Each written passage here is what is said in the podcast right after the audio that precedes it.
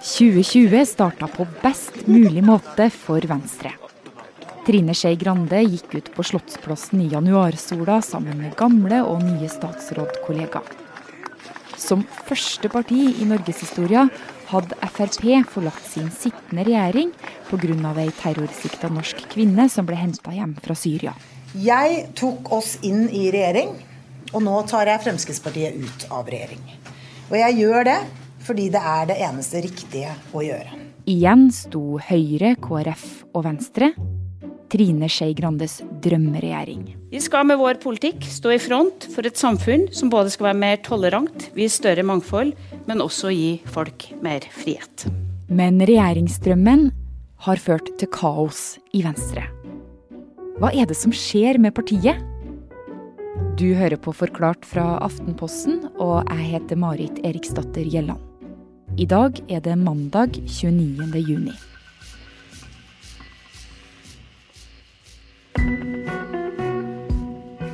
Venstre, det lille regjeringspartiet, har slitt med interne uenigheter, misnøye med partileder Trine Skei Grande og dårlige meningsmålinger. Særlig etter at de gikk inn i regjering med Fremskrittspartiet for to og et halvt år siden. Men 13.1 i år så kom altså gavepakken. Så kom regjeringsutvidelsen. Først Venstre, og så Kristelig Folkeparti. Gradvis ble begeistringen eh, mer og mer borte. Over tid har det blitt en eh, politikk preget av for mange grå kompromiss, og en politikk uten retning. Fremskrittspartiet gikk ut av regjering. Igjen var Høyre, Kristelig Folkeparti og Venstre. Sammen med Høyre og Kristelig Folkeparti så tar vi ansvaret for å skape et grønnere og tryggere land når Fremskrittspartiet gikk ut, så tenkte man kanskje at eh, nå endelig så får man en eh, klassisk venstreregjering uten det mest brysomme partiet. Andreas Slettholm er kommentator her i Aftenposten. Jeg vil si det så lovende ut. Det, det var jo ikke noe tegn til at Venstre skulle stige noe på meningsmålingene. Og da hadde jo dette eh, bråket og den eh, ulmende misnøyen med Trine Skei Grande, som hadde sittet veldig lenge som partileder. Det var fortsatt interne konflikter, men det var liksom som om hele eh, konfliktnivået bare ble senket noen hakk, og folk slappet litt av. Og nå skulle de få flere folk inn i regjeringsapparatet og eh, få reise rundt og ta æren for politikken, de også. Men Venstre var ikke lenge i himmelen. For det gikk ikke lang tid før det ble bråk og trøbbel. Og det starta da statsrådspostene skulle fordeles. Inn kom kulturminister Abid Raja. Så jeg er dypt takknemlig fra mitt dypeste hjerte at jeg blir gitt dette privilegiet og muligheten til å vise eh, at jeg er god nok for Norge. Og klimaminister Sveinung Rotevatn. Så jeg har vært med på mye, Ola. Eh, som du selv var inne på, Det er sikkert en del av de som nå går ut av regjering, som tenker i alle fall at endelig, vi, endelig slipper vi han av Ole Elvestuen. Og Rotevatn fikk nøklene til statsrådskontoret fra en annen kjent venstremann, Ola Elvestuen, som måtte ofres. Raja og Rotevatn var jo ansett som de to sterkeste utfordrerne om lederposisjonen til Trine Skei Grande. Eh, og ingen av de satt jo som statsråder. sånn at det, å gjøre det grepet hvor de to fikk hvert sitt uh, departement å styre og, og, og, synes bedre i offentligheten, selv om Raja var ganske synlig fra der han var også, det gjorde noe med stemningen i partiet. Det gjorde at det ikke føltes så akutt og endre lederskapet, kanskje. Det var fortsatt usikkert. Det skulle jo etter planen være et landsmøte i Venstre, og folk eh, det, det, Støtten til Skei Grande hadde jo ikke vært så veldig eh, sterk, sånn at folk hadde kanskje fortsatt sine meninger, men, men eh, denne veldig overraskende eh, regjeringssituasjonen, muligheten til å ta inn disse to eh, sterkeste utfordrerne, det gjorde at, eh, at Venstre plutselig framsto uh, mye roligere og mye I hvert fall litt sånn at de trakk i samme retning. Helt til Ola Elvestuen valgte å på en måte åpne Sareptas krukke med kritikk igjen. Ja, for Klima- og miljøminister Ola Elvestuen han måtte ofres for Rotevatn og, og Raja. Uh, si litt mer, hvordan tok han det, da? Ja, Det har jo kommet fram litt sånn i ettertid, uten at de sentrale folkene, altså Grande og Rotevatn, vil bekrefte det, at denne statsrådrokaden var jo også del av en sånn avtale om at Grandes posisjon som leder ikke skulle utfordres av Rotevatn hvis han fikk bli statsråd. Uh, det er jo en, en manøver som kan virke som eh, ordentlig sånn politisk eh, renkespill. Og for så vidt er det, men det er jo en helt eh, normal måte også å konsolidere makten og sørge og prøve å få, eh, få ro i partiet på, da, som både Grande og for så vidt Rotevatn var eh, opptatt av. Eh, men for at det skulle lykkes med de statsrådpostene som var tilgjengelige, og den kjønnsbalansen man gjerne skal ha, og sånne ting, så måtte jo noen ut da av, eh, av regjering. Og da var det partiets ene nestleder, Ola Elvestuen, som eh, måtte gå. Og det var han jo særdeles lite fornøyd med. Han har holdt Eh, kjeft en god stund, men eh, etter, eh, etter, noen uker så gjorde han et ganske oppsiktsvekkende intervju i TV 2, hvor han eh, åpent anklagde da Trine Skei Grande for å være mest opptatt av å sikre egen posisjon, eh, framfor å gjøre det som er best for, for regjeringen eller for partiet eller for landet, som da i hans øyne ville være at han fikk fortsette som statsråd. Så kom mars. Og rett før korona så trakk Skei Grande seg og partiet sto midt oppi et ledelsesvakuum. Hun er jo en klassisk venstreleder. Nå kom dette brått på mange. Jeg syns det er eh, veldig trist og veldig vemodig. For hvem skulle ta over?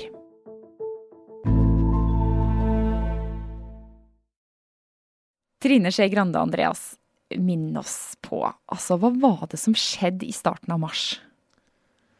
Ja, mens hele Norge da var opptatt av at koronaen var kommet til landet og situasjonen ble verre dag for dag, så ble situasjonen verre dag for dag også for Trine Skei Grande. Hun så at uh, denne manøveren som hun hadde forsøkt å gjøre i forkant av landsmøtet, som liksom skulle skape ro i rekkene, og forkjemperne for Sveinung Rotevatn og Abid Raja skulle Eh, skulle roe seg. Det, det, fungerte ikke helt, og dette utspillet til Ola Elvestuen var på en måte fyrstikken på det bålet. Uh, I mediene fikk det jo ikke sånn veldig mye oppmerksomhet, men i partiet var det, var det nok uh, mange som da uh, fortsatt var misfornøyde med, med, Grande som leder, og dette ropet på fornyelse. spesielt når man så at det var ikke noen sånn umiddelbar effekt på meningsmålingene av at Frp hadde gått ut av den regjeringen for Venstre. så dermed så var egentlig ikke problemet løst for, eh, for eh, Trine Skei Grande. Og da valgte hun rett og slett å kaste kortene. Dagen etter at Norge ble nedstengt, så uh, trakk Trine Skei Grande seg, gikk av som statsråd og dro hjem til eh, gamlebyen og ble der sammen med kattene og hønene.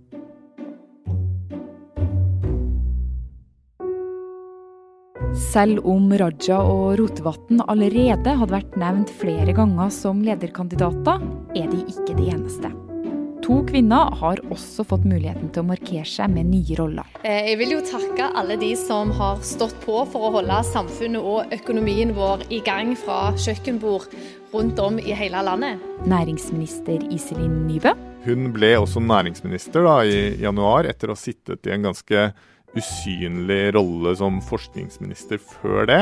Eh, og, og, og, plutselig så var jo da hun eh, i sentrum av politikken, og hun hadde jo da, var jo langt mer synlig. Og som næringsminister så har det jo mye å gjøre med de økonomiske eh, følgene og tiltakspakkene av koronakrisen.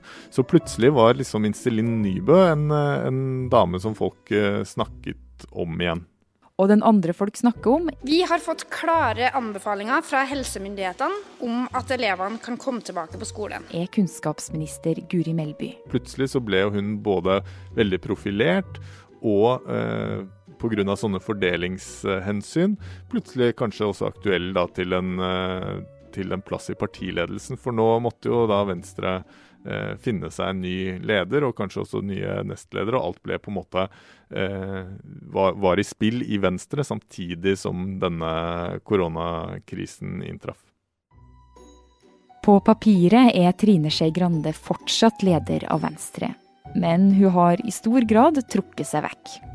Så hva betyr det? Er Venstre i praksis nå et lederløst parti?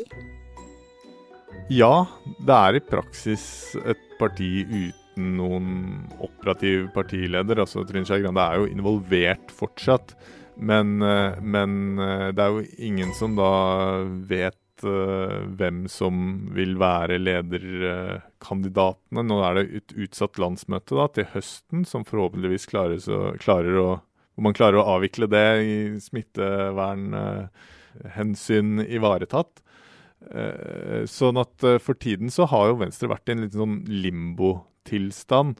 Men med disse veldig synlige statsrådene, gitt den politiske situasjonen, men uten egentlig noen partileder. Så nå hadde de eh, ingen oppsummerende pressekonferanse, eh, sannsynligvis fordi det ville vært veldig vanskelig å vite hvordan den, hvordan den skulle ledes. Eh, det skal være en partilederdebatt i Arendal, som blir en slags sånn erstatning for Arendalsuka i år. Om det er Grande som skal stille der som en utgående partileder, det er også høyst usikkert. Så dette er, sånn, det er et litt sånn vakuum for, eh, for Venstre, eh, både internt ved at folk ikke vet hvilken, hvilken, vei det går, eller hvilke lederkandidater man får. Og, også eksternt i form av å profilere partiet og politikken nå når, nå når uh, politikken blir litt mer normal, så vil nok det behovet melde seg sterkere. Men hvordan skal de klare å finne ut av da, hvem som skal lede partiet? Det blir jo en ny lederstrid i Venstre nå som eh, blir helt reell, fordi de fordi det faktisk er åpent hvem som skal være partileder i Venstre. Og dette var jo en, det var jo en sånn skjult lederstrid, eller i hvert fall ikke helt åpen lederstrid i høst. ikke sant? Det var åpenbart mange som ønsket seg en annen partileder enn Trine Skei Grande. Og det ble, ble kommunisert uh, ved hjelp av anonyme kilder, ved hjelp av ulike eh, utspill som kanskje var egnet til å undergrave hennes eh, posisjon i partiet. men nå får du jo Altså, det er jo en ærlig sak at noen ønsker en leder, og noen ønsker en annen leder. Nå blir dette en åpen prosess, og sånn sett så er ikke det så dumt for partiet. Men det er jo høyst usikkert hvem som ender opp da som, som, partileder, og det vil ganske sikkert skape misnøye da blant de fløyene som har en annen foretrukken kandidat. Denne måneden kom nye partimålinger. For hvordan står det til etter en heftig omgang med korona? Venstre lå som de har gjort en god stund, under sperregrensa. Altså, hvis det hadde vært valg i dag, så hadde sannsynligvis ikke partiet fått inn en eneste representant på Stortinget. Men heldigvis for Venstre så er det ikke valg før neste år. I første omgang så må jo Venstre få seg en partileder, og så tror jeg planen er at de skal fortsette å sitte i regjering og satse på at velgerne til slutt vil innse hvor mye de får til og hvor bra det er. Eh, nå skal det jo sies at Venstre har jo levd i tett samliv med sperregrensa helt siden sperregrensa ble innført.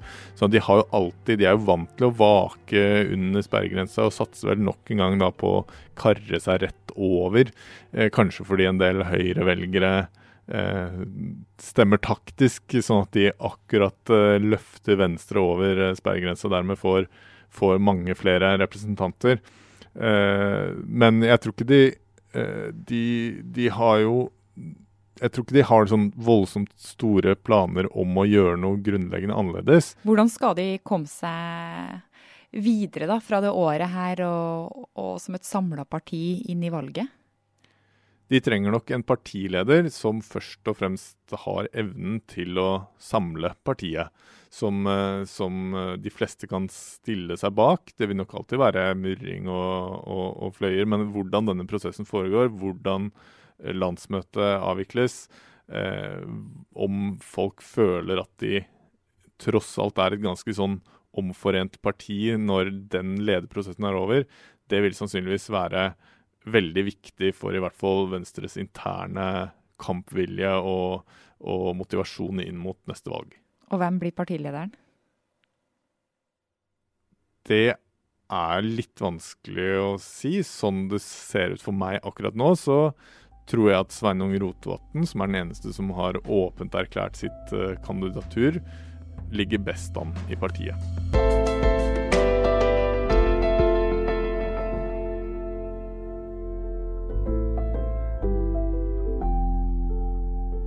Uforklart lages av Caroline Fossland, Fride Næss Nonstad, Anne Lindholm, Andreas Bakkefoss og meg, Marit Eriksdatter Gjelland. I denne episoden har du hørt lyd fra VGTV, NRK og regjeringa.no.